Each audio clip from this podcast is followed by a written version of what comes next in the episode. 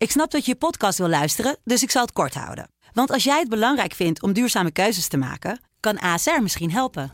Nou hoor ik je denken, hoe dan? Nou, bijvoorbeeld bij het duurzaam herstellen van schade. Of de premies die we beleggen volgens ons duurzaam beleggingsbeleid. Dat bepaalt waar we wel en juist niet in investeren. Wil je meer weten over welke duurzame keuzes ASR maakt? Ga dan naar asr.nl slash duurzame keuzes. ASR doet het. Zo, dan kan je nu lekker naar je podcast luisteren.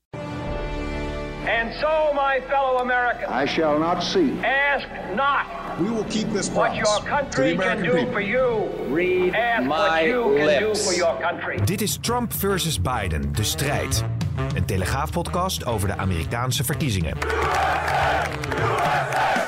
Met Thijs Wolters en Frank van Vliet. De opname op eh, woensdag 25 november. Ik denk niet dat we kunnen zeggen dat president Trump zijn verlies heeft toegegeven, maar in ieder geval erkend dat Biden de winnaar is in de zin dat die nu aan de transition kan beginnen, de overgangsperiode van de ene na de andere president. Dat werd heel lang tegengewerkt, of althans voor zo'n transitieperiode begrippen werd dat heel lang tegengewerkt. Want we zijn natuurlijk precies drie weken na de verkiezingen nu. Normaal eh, is dat een dag of twee dat eh, de oude en de nieuwe president al naast elkaar staan. Nu heeft het dus wat langer geduurd.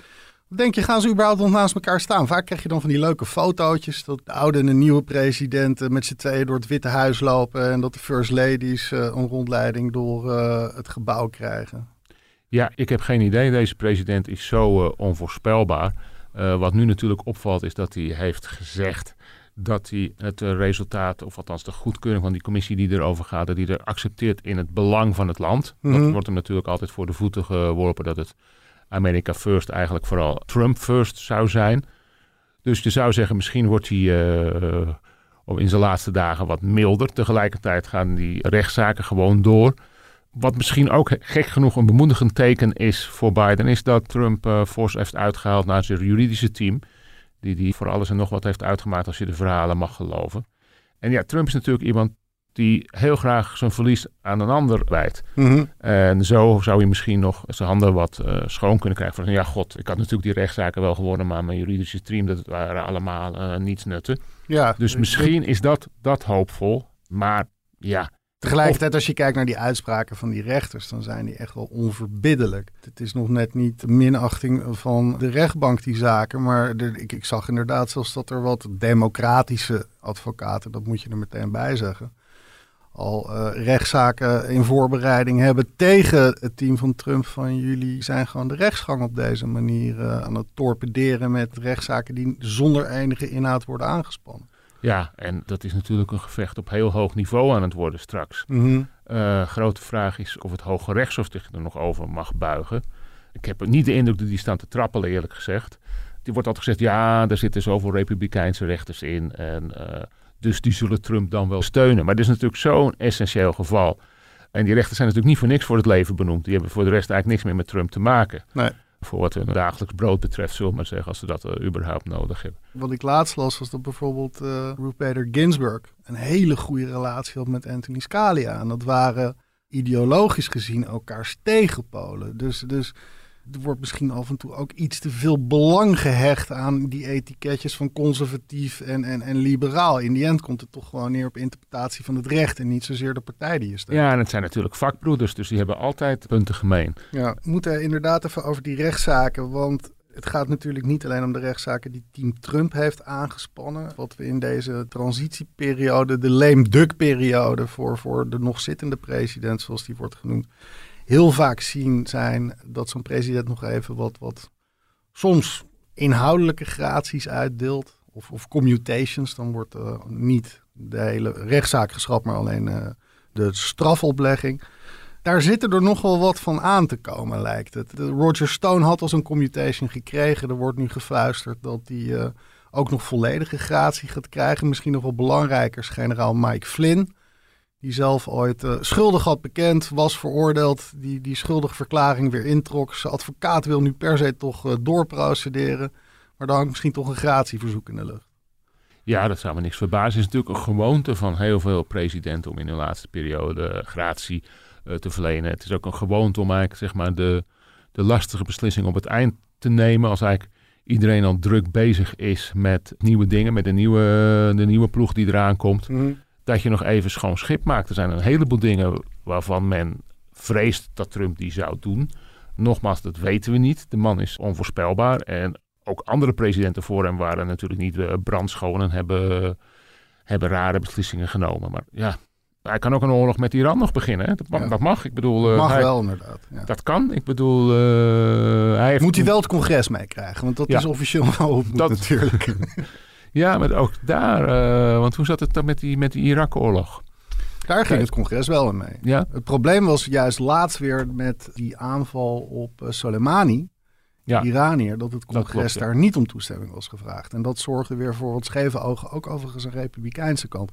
Waarop Trump en zijn team weer zei, ja nee, maar dit was geen oorlog. Dit was gewoon Nee. eh, een aanval. terreurbestrijding. Ja.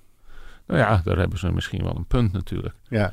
Dus, maar jij weet denk ik meer over die gratie eh, dingen ik. Ik heb net een verhaal van je gelezen, dus eh, Ja, en dat, dat, vertel eventjes. Dat, dat, dat gaat met name over de vraag of sowieso een hele opsomming van de rechtszaken die Trump eh, mogelijk voor zijn, kie- of voor zijn kiezen gaat krijgen als hij het Witte Huis heeft verlaten. Maar ook een heel groot deel gaat over de vraag: kan Trump zelf aan zichzelf gratie Ja. verlenen? En dat is best wel interessant. Dat, dat is nog nooit gebeurd.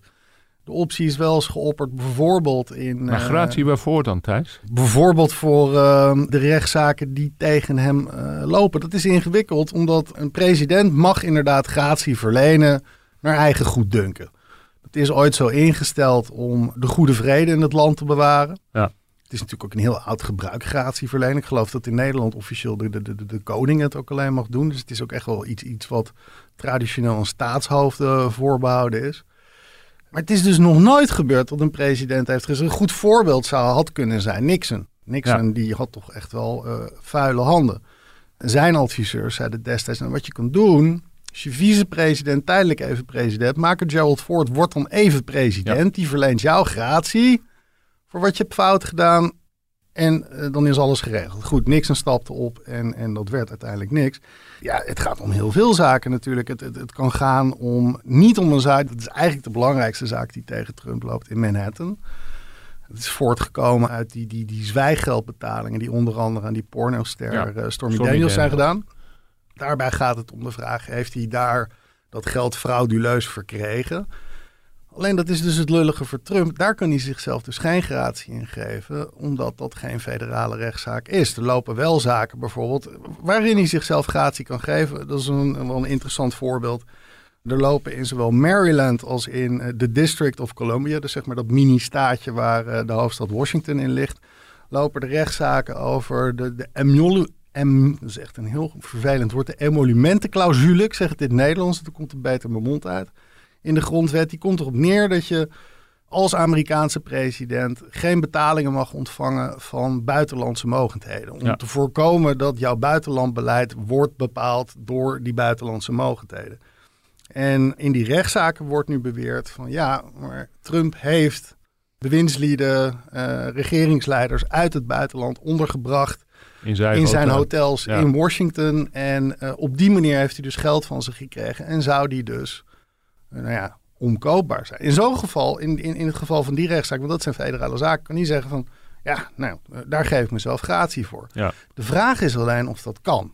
Hij vindt zelf van wel. We hebben ook een, een, Heeft hij ook een- vaak gezegd, hè? Ja. getwitterd onder andere. Hij zegt, ik heb daar het absolute recht toe. Dat was in 2018 al dat hij dat riep. Tegelijkertijd weet hij het ook weer niet zo zeker, omdat we in ieder geval uit Amerikaanse mediaverhalen kennen dat hij al ongeveer sinds 2017 vraagt. Nou, in hoeverre heb ik die mogelijkheid? En of het zo is, nou ja, nogmaals, er is geen precedent voor. Er is nog nooit een president geweest die heeft gezegd: ik verleen mezelf gratie. En het, het zal echt neerkomen op het feit omdat hij het gewoon doet. En dat vervolgens in zo'n rechtszaak eh, zijn advocatenteam dan zegt van... Nou ja, het OM eh, moet maar stoppen met deze zaak, want de president heeft zichzelf al gratie verleend. Ja.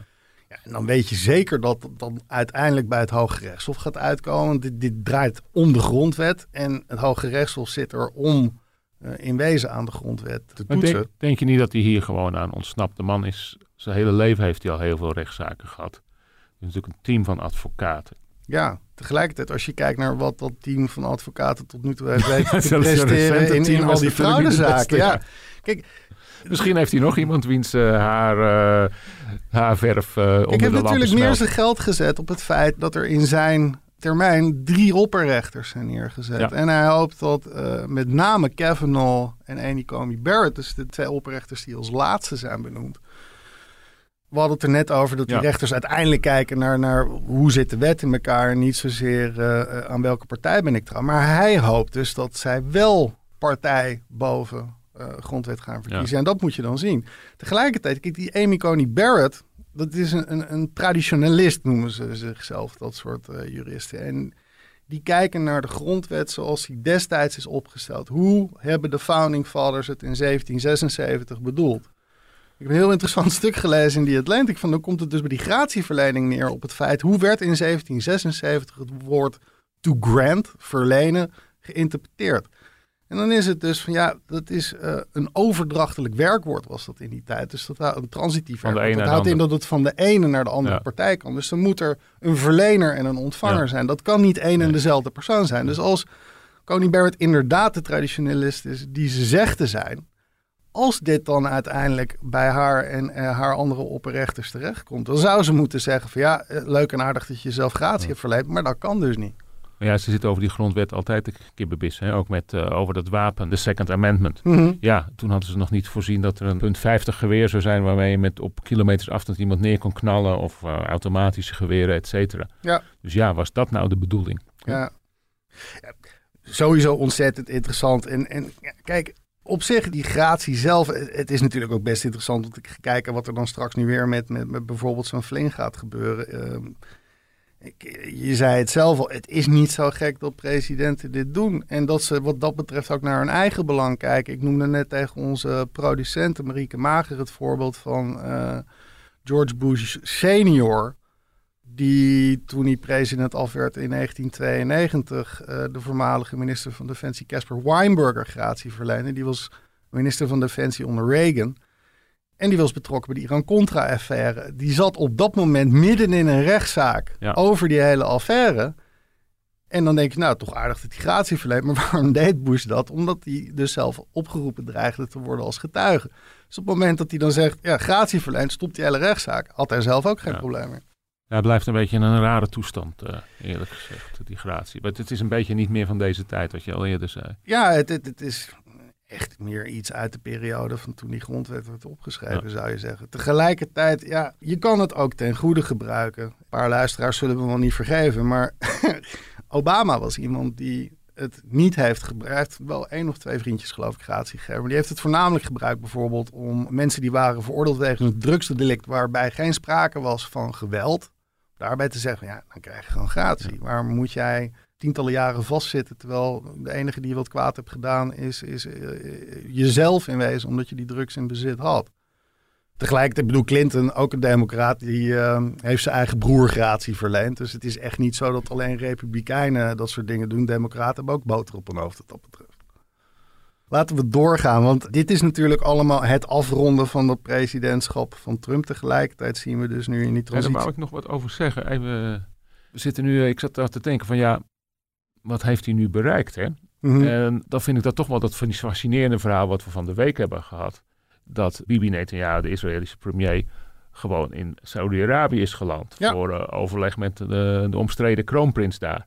Daar kan je heel cynisch over doen eh, en zeggen van een van corruptie beschuldigde premier en een van moord, althans opdracht tot moord eh, gevende kroonprins. Wat is dat? Maar dat kan je niet onderschatten. Hè? Op, Nee. dat, dat, is, dat is de geboortegrond van, van, van Mohammed, waar eh, een Joodse man komt. En die daar dan, en ik ken Bibi Netanyahu een beetje uit mijn tijd. Die zit daar ongetwijfeld niet braaf een poosje te geven. Die zal er ongetwijfeld best zijn eigen mening hebben gegeven. Dus het is jammer dat we daar eh, voor de rest niks van horen. Maar ja, er is natuurlijk een hele onorthodoxe politiek geweest van Trump. En eh, er is genoeg kritiek op. Hij heeft de Palestijnen onder de bus gegooid. eh, interesseert zich niet voor mensenrechten. Maar er beweegt zich daar wel iets Ja. wat, nou ja, we zeggen eeuwen is misschien overdreven, maar heel lang niet bewogen hebt. Dus dat Nou, in ik- ieder geval sinds 1948 niet ja, inderdaad. Dus dat is wel. ja. Maar Maar dat, is een, dat vond ik dan toch wel weer fascinerend. Dat is ontegenzeggelijk een van de, de grote prestaties van vier jaar Trump. Ja, denk ik Eh, wel. Het is, het is misschien niet vrede in het Midden-Oosten, maar meer eh, toenadering dan we in de afgelopen Schuivende decennia hebben. Dus ik hè? bedoel, Ja. Carter heeft Egypte en Israël bij elkaar gebracht. Ik ben even vergeten Jordanië en Israël en welk jaar dat ook weer was. Maar dat was ook... Maar en nu zijn het opeens Ja. meerdere landen binnen één presidentiële termijn. Dat is gigantisch. Een aardverschuiving. Even een terzijde. Ik denk dat we nog wel, als het echt allemaal officieel is, nog eens een keer moeten terugkomen op wat heeft Trump beloofd en wat Ja, heeft hij... eh, We kunnen hier wel een mooi bruggetje van maken naar Biden. Want dat horen we zowel van eh, Jan Posma, maar toch vooral ook van eh Ruud Mikkers, onze correspondent in Brussel. Dat die komst van Biden toch echt wel wordt toegejuicht hier in Europa. Als we kijken naar eh, de vijf bewindslieden die nu zijn voorgesteld. America is back. We're going to have the first woman lead the intelligence community, the first Latino an immigrant to lead the Department of Homeland Security, and a groundbreaking diplomat at the United Nations. I want to say to you America is back. Multilateralism is back. Diplomacy is back. Met name die meneer Blinken, die dan eh, de, de, de minister van eh, Buitenlandse Zaken moet worden. Jij omschreef in een artikel al als een eurofiel. ja, hij gaat er prat op dat hij eh, vloeiend Frans spreekt. Hij heeft in Parijs gestudeerd. Hij speelt voetbal. Precies. Uniek. En niet American voetbal, hè? Soccer. Ja, precies. Dus eh, ja, dat geeft eigenlijk al aan dat hij in eh, veel Amerikaanse ogen een watje is. maar dat zal niet zijn. De man heeft een hele lange carrière gehad. Ook samen met Biden toen hij vicepresident was. Hij heeft onder Obama gediend als onderminister van Buitenlandse Zaken. Dus ja, dat is een man die, ze, die zowel, waar wel zaken mee gedaan kan worden. Het is ook een man die heeft gezegd eh, dat ze de wereld een beetje weer op orde moeten hebben. Mhm. Dus het is niet iemand die, eh, zoals Trump, als een olifant door de porseleinkast zal gaan. Die zal proberen weer verbanden te, te trekken. En eh, ja, dan zal hij ook, wat Biden ook al heeft gezegd, we gaan eerst eens even naar onze bondgenoten kijken. Die hebben we verwaarloosd Mhm. in, in zijn ogen. Dus ja, dat is interessant. John Kerry ook, die spreekt ook Frans, heeft volgens mij in Zwitserland op een school gezeten. Is ook een oude, hè? 76 al. Ja, Je zou het hem eh, minder geven dan Biden als je hem ziet. Het is een, een hele goede sportman geweest vroeger. Hij was een oorlogsheld. Hij was commandant op een soort speedboot die met allerlei snelvuurkanonnen door de Mekong-delta in Vietnam over het water schoot. En, eh, hij- tegelijkertijd ook heel kritisch over die Vietnam. ja, want hij, is dus onderscheiden eh, met drie, vier onderscheidingen. Silver Star, Bronze Star, ik geloof drie Purple Heart zelfs. Maar na de oorlog is hij woordvoerder genomen van, eh, zelfs medeoprichter van eh, Vietnam Veterans of America. Dan zou je denken, oké. Maar dan ook nog woordvoerder van Vietnam Veterans Against War. En hij heeft ook volgens mij in het congres nog, een, Ja. eh, nog getuigen van... jongens, dit moeten we echt niet meer doen. Zijn poging om president te worden tegen de jonge Bush... Hè, als ik het me goed herinner, George W. Bush. 2004. Ja.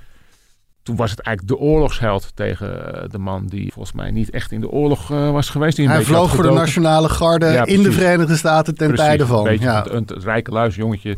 Dat was eh, een beetje de, de, de dienstplicht een beetje was ontsprongen. Eh, dan zou je denken, ja, oorlogsheld. Maar toen kwam er een boek uit.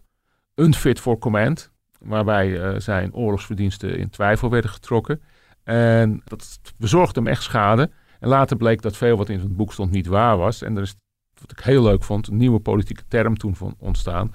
En dat heet SWIFT, dus, dus snel SWIFT-boting genoemd. Daarmee maak je een politieke tegenstander zwart. Mhm. Dus, eh, maar goed, over Kerry hoeft Europa zich dus eh, geen enkele zorgen te, ma- te maken. Die tekende onder Obama als minister van Buitenlandse Zaken het klimaatakkoord.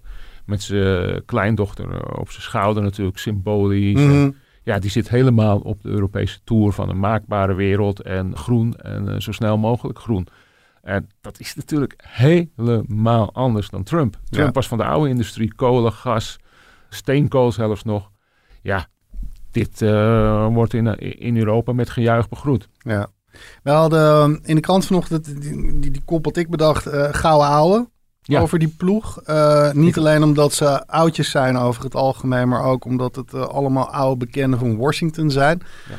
De reactie op Fox die was ook tegelijkertijd toch wel heel duidelijk. The swamp is back. Ja. Die, die, eh, Rubio. die eh, creaturen. Ja. Rubio was ook al, die moet ik er even bij pakken. Rubio die was op Twitter bijzonder kritisch over ehm, eh, die ploeg die dus nu is samengesteld. En daarover, wat schreef hij nou? Biden's cabinet, ik zal hem even snel vertalen. De, de, de ministers die Biden heeft uitgekozen zijn allemaal naar uh, vooraanstaande universiteiten gegaan. Ze hebben goede cv's. Ze hebben precies de goede toppen bijgewoond. Ze zullen aardig zijn. En ze zullen ontzettend goed zijn in Amerika naar de Galamiezen te helpen. Ja, ja. Terwijl, ja, je zou denken, goede opleiding doet geen kwaad. Dus en dat heeft dan ook weer te maken met het klimaat, wat, we het hier ook al eerder over hebben gehad, wat Trump heeft geschapen. Zeker tijdens de coronavirus, dat, ja, dat je toch niet zoveel aan wetenschappers hebt en zo. Mhm. En hij, is natuurlijk, hij was natuurlijk een ondernemer, veel ondernemers, in eerste instantie militairen voordat hij ze wegpest. Maar ja, dat is, dat is weer een wezenlijk verschil. Dit is natuurlijk, al die mensen hebben onder Obama gewerkt. Is natuurlijk, en, en, en Biden heeft gezegd, ja sorry lui, ik ga in deze tijden, wanneer we meteen klaar moeten staan om grote problemen op te pakken, ga ik niet experimenteren met jonge, jong talent. Mhm. Dus hij heeft echt zijn, zijn oude makkers opgeroepen als eerste. En wat ook aardig zal zijn, is hoe zou de linkse tak daarop reageren in de Democratische Partij? Want ja. zo'n uh, Alexandria Ocasio-Cortez, ja, fantastisch uh, in het trekken van aandacht heeft al een beetje van leer getrokken. Maar ja, alles moest wijken voor het goede doel van de Democraten. Althans, Trump moet weg. Ja, ja maar nu, kijk eens naar wat er nu uh, binnenkomt. Tot nu toe is het gewoon allemaal Obama 3. Oude wijn in de oude zakken. Ja, dat had ook een mooie kop kunnen zijn. dat is dan weer te lang, hè? Ja. ja ik, ik, denk overigens dat je, die, dat je die eenheid binnen de Democratische Partij nog wel houdt tot begin januari. Want we zijn er in wezen nog niet. Die nee. senaat, uh, senaatsverkiezingen uh, in Georgia hebben we nog. Ja. Op dit moment is de stand uh, 50 voor de Republikeinen, 48 voor de Democraten in de Senaat. Er zijn nog twee senaatzetels te vergeven.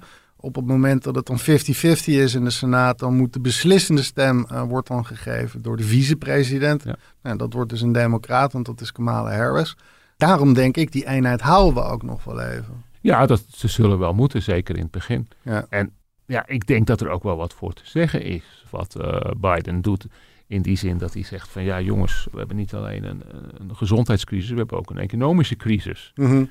Dus ja, ik bouw op de mensen die ik vertrouw. Ja, het zijn ook gematigde keuzes. Um, daarover wordt ook wel eens gezegd van misschien neemt hij hier vast al een klein beetje een voorschot op het feit dat, ze, dat de Democraten niet die twee senaatzetels in Georgia gaan veroveren. Ministers in de Verenigde Staten moeten goedgekeurd worden door de Senaat. Daarom zal die bij wijze van spreken niet, uh, ik noem maar wat, uh, uh, nu wordt dan, is, is, is het zo Ja. goed als zeker die Janet Yellen, de minister van Financiën. Maar daarom is bijvoorbeeld niet Bernie Sanders geworden. Nee. Want die krijg je nooit door de Senaat als je daar geen meerderheid hebt. Nee, precies. En eh, dat is natuurlijk wel heel triest voor het linkse front. Dat eigenlijk misschien wel populairder is dan Biden zelf. Mhm. Maar waar, dat men, waarmee men niet de strijd durfde aan te gaan met Trump. Hè, want ze, zelfs Biden werd al als een socialist weggezet. Dus ja, hoe moet je dan met, met, met Bernie Sanders? Ja. Ja. Tegelijkertijd denk ik toch niet dat de Trump-stemmers in 2016 die in 2020 op Biden hebben gestemd uit de flanken zijn gekomen. Dat, dat zijn toch juist mensen in het politieke midden. Dus het- misschien mm, doet Biden hiermee juist wel eh, zijn nieuwe stemmers een plezier. Ja. Door niet die flanken, juist Nee. niet die flanken op te zoeken. En dus Ja. de mensen binnen de boot te houden die hij erbij heeft gekregen. Maar waar ik eigenlijk op doelde is dat Biden is natuurlijk het gezicht van de oude democraten. Mhm, Waar eigenlijk, dat heeft Trump aangetoond, iedereen een beetje op was uitgekeken. mhm. En omdat Trump zo polariserend werkte, is het midden toch weer, maar ik denk voor even, hè, tot het eh, alles weer is opgeklaard en de rust is hersteld. En ik denk dat het dan het gehakketak weer van vooraf aan zal beginnen. Ja, want om dan toch nog maar een klein beetje verder vooruit te blikken. eh, behalve dat, dat Trump het waarschijnlijk druk krijgt in de rechtszaal de komende vier jaar. Hoor je toch ook wel veel stemmen opgaan dat hij het gewoon weer gaat proberen in 2024. Ja, en waarom ook niet, hè? Hij heeft natuurlijk... Nou ja, eh, bijvoorbeeld omdat hij dan ouder is dan Biden nu. En dat dat een argument was in de campagne van Biden is een oude lul. Ja, maar luister, sinds wanneer zal Trump zich aan zijn eigen argument of aan Ja, iemand anders iets laten liggen? Dat is wel Als, een goed als die zich fi- fit voelt. Of anders dan schuift hij zijn zoon naar voren, weet jij veel. Dat Junior. is allemaal mogelijk. Ja. Maar dan krijg je dus gewoon. dat, dat snap ik. ja, misschien denk ik hier te logisch over na, maar als jij nou tegen establishment bent, als jij je positioneert als een anti-establishment uh, politicus, dan is het toch heel gek om je eigen zoon naar voren te schuiven. Ja, maar het is wel lekker als het establishment jouw establishment is. Ja, ja. En, en als het nou nog familie is, is het helemaal mooi. ja. En Terwijl ja, dat- het is natuurlijk inderdaad bizar in Amerika. We hebben de Clintons gehad, we hebben de, de Bushes gehad, Kennedy's. De Kennedys, ja. En alsof er in dat land eh, van, wat is het, 330 miljoen mensen geen ander talent woont. Maar dat komt ook door het, deels door het politieke systeem met die twee partijen. Eh, het systeem waar je zo, de laatste tijd zo waanzinnig veel geld moet eh, hebben. Of in ieder geval veel geld moet binnen zien halen. Ja, ga je daar maar eens als jong talent voor staan. Waarschijnlijk is Obama de laatste die dat als relatief onbekende en relatief arme sloeber is gelukt. Ja. Denk je niet? Ik je hebt natuurlijk. Er wordt wel eens geklaagd, onder andere door eh, een van onze, eh, een van de columnisten bij ons in de krant, dat al die grote techbedrijven heel erg op de hand van links zijn. Dan zouden er toch ook al wat techmiljonairs zijn, zou je zeggen, die bijvoorbeeld eh, zo'n Alexandra, Alexandria Ocasio-Cortez financieel willen steunen. Het is natuurlijk niet gezegd dat zij ondanks haar vrij linkse standpunten, om een understatement te gebruiken, niet de steun kan krijgen van mensen die wel een klap geld hebben. Ja, zou kunnen, zou kunnen. Maar ja, ik zie het nog niet zo het. Kijk, Want de, eh, enige manier om, om een polariserende politicus weerwoord te bieden, is toch om er een andere pol tegenover te zetten, zou je zeggen. Ja, maar dat hebben ze dus nu ook niet aangedurfd. Nee. En het heeft wel gewerkt. Nou ja, maar goed, tegelijkertijd Want zeg het- je van het was, hij was even een veilige vluchtheuvel Ja, en nou we ja, gaan weer precies. terug naar die polarisatie. Ja, dat denk ik wel, ja. Ja. Als het nu tijdelijk inderdaad zo is dat Biden een vluchtheuvel was Ja. voor het anti-Trump-kamp. Als er inderdaad eh, Trump junior of senior of iemand uit de school van Trump, dat kan natuurlijk ook, namens de Republikeinen naar voren wordt geschoven. En Ik, bijvoorbeeld de kans dat Biden het nog voor een tweede termijn gaat doen, lijkt mij ook niet heel erg groot. Zou Nee, maar dat dan- heeft hij zelf gezegd, hè? Dat hij maar zou dan one Harris de, de juiste persoon zijn? Want dat is ook in wezen iemand uit het midden. Nou, daar verschillen de meningen ook wel eh, een beetje over.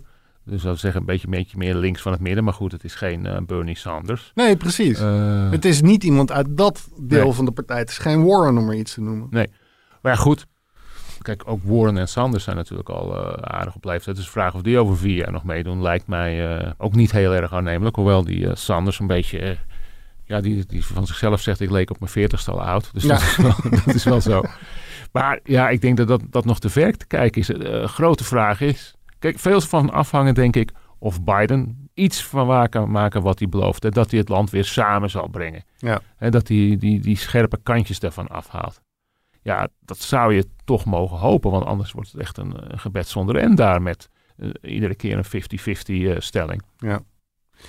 Is dat nog inderdaad een, eh, iets wat we ons moeten afvragen? Want je, je leest wel her en der dat, dat onder andere al door die transitie tegen te werken, maar bijvoorbeeld ook onze correspondent Ralf Dekker schreef een, een, een verhaal over hoe het instellen van sancties tegen Iran niet vanwege het kernprogramma, maar om andere redenen het Biden heel erg moeilijk maken om dat nucleaire akkoord met Iran weer aan te gaan. Want dan moet die sancties gaan schrappen die op zich wel terecht zijn ingesteld.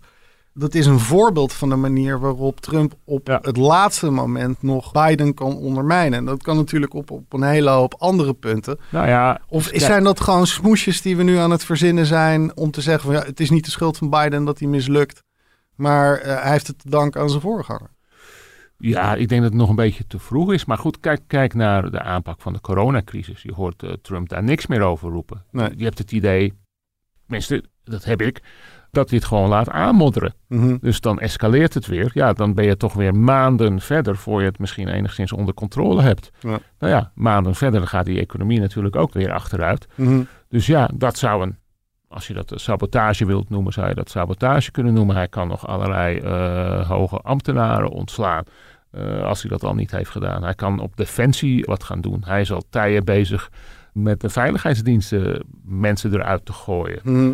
Ja, Het, het- en, en dat moeten we erbij zeggen. Dat, dat is iets wat over het algemeen niet gebeurt in zo'n transitieperiode. Ik noemde het net al de, de periode van de lame duck president. Ja. Over het algemeen na verkiezingsdag de verslagen president of de vertrekkende president, hoe de situatie ook is, die leunt dan eigenlijk nog een beetje achterover eh, drie maanden en, en doet dan niet zo heel erg veel meer. Terwijl, en dat is toch iets, ook nu weer, wat een beetje tegen het heersende beeld ingaat. Ja, maar ja goed, Trump is wat dat betreft natuurlijk... Daar zullen nog uh, geschiedenisboeken vol over geschreven worden. Is natuurlijk... Geen president is met hem vergelijkbaar. Nee. Niemand, geen politicus is bijna met, met hem vergelijkbaar. De, de aim van een president was toch altijd om een beetje, hè, een beetje op de winkel te letten, de samenleving een beetje veilig met elkaar om te laten gaan. Deze man gooit constant olie op het vuur en gokt. En soms gokt hij raak, zoals misschien met zijn Midden-Oosten politiek. Mm -hmm. Met Kim Jong-un, dat is trouwens wel grappig. Ik heb net het uh, boek van Obama gelezen, zijn biografie. Mm -hmm. En daarin staat schrijft hij zelf dat hij toen hij kandidaat was, zei dat hij bijvoorbeeld met iedereen zou praten. Uiteraard ook met Kim Jong-un. Want ja, als je niet met mensen praat, kom je niet tot elkaar. En het grappige is dat Biden toen, uh, toen werkelijk Trump met Kim Jong-un een historische ontmoeting had, zei van ja, het is alleen maar voor de bühne, want het is levensgevaarlijk met een dictator praten. Mm -hmm. Dus je ziet hoe dat, dat constant kan veranderen. Ja. Zoveel open eentjes. We gaan dus voorlopig ook gewoon even lekker door met deze podcast. Uh, ja, maar het is grappig, want uh, Marieke die vroeg ons... Uh, kunnen we nog wel door met de, met de titel De Strijd? Ja. En ja, de strijd is nog niet gestreden. Nee. Ook niet, misschien komt er inderdaad nog een, een, rechtszaak. Maar ook zelfs al zit Biden, dus zouden we in principe ook nog door kunnen gaan. Want ik denk niet dat Trump de strijd bij, bij ons zal begraven. Nee. Die heeft nu een miljoenen publiek. Ja, daar zal hij op de een of andere manier iets mee willen doen. Uh, of hij nou een uh, radiostation begint, tv-station, weet, je, weet ik veel. Of gewoon via zijn Twitterberichten zal blijven sturen. Ja, die is voorlopig niet van het politieke toneel. Dus nee, de en, strijd en, kan hem wel. Nee, precies. En, en die overwinning van Biden is natuurlijk pas definitief op 14 december... als uh, het, het, college van kiesmannen bij elkaar komt... Ja. en daadwerkelijk hun stem op Trump dan wel ja. Biden uitbrengt... en Biden dan als winnaar uit de strijd ja. komt. En het leukste is dan straks de inauguratie natuurlijk. Ja, dat is een hele show. Maar hoe gaat dat, gaat dat nu straks? Is een van de hoofdrolspelers er nog steeds? Ja. Ik bedoel, zoals dat toen ging met, ik was er toen bij, uh, met Obama. Zelfs het gezang van Beyoncé, het was toen hartstikke koud, moest gezegd worden, was playback. Mm -hmm. dat, dat lekte pas later uit. Ik, ik, weet niet, ik stond daar met een blauwbekken man, min 10 of zo. En uh, ik was ook nog op de fiets gekomen als Nederlander. Want ik denk, daar ben ik snel weg om weer in mijn hotel mijn stukje te tikken. Want anders zitten er allemaal files. Ja. Dus ik had zo'n huurfiets gepakt. Maar ja, dan dacht ik, wat kan dat mens zingen onder deze omstandigheden? Dus ja, de show must go on. Ja. En uh, ja, en hier kunnen we wel zeggen, de strijd uh, will go on.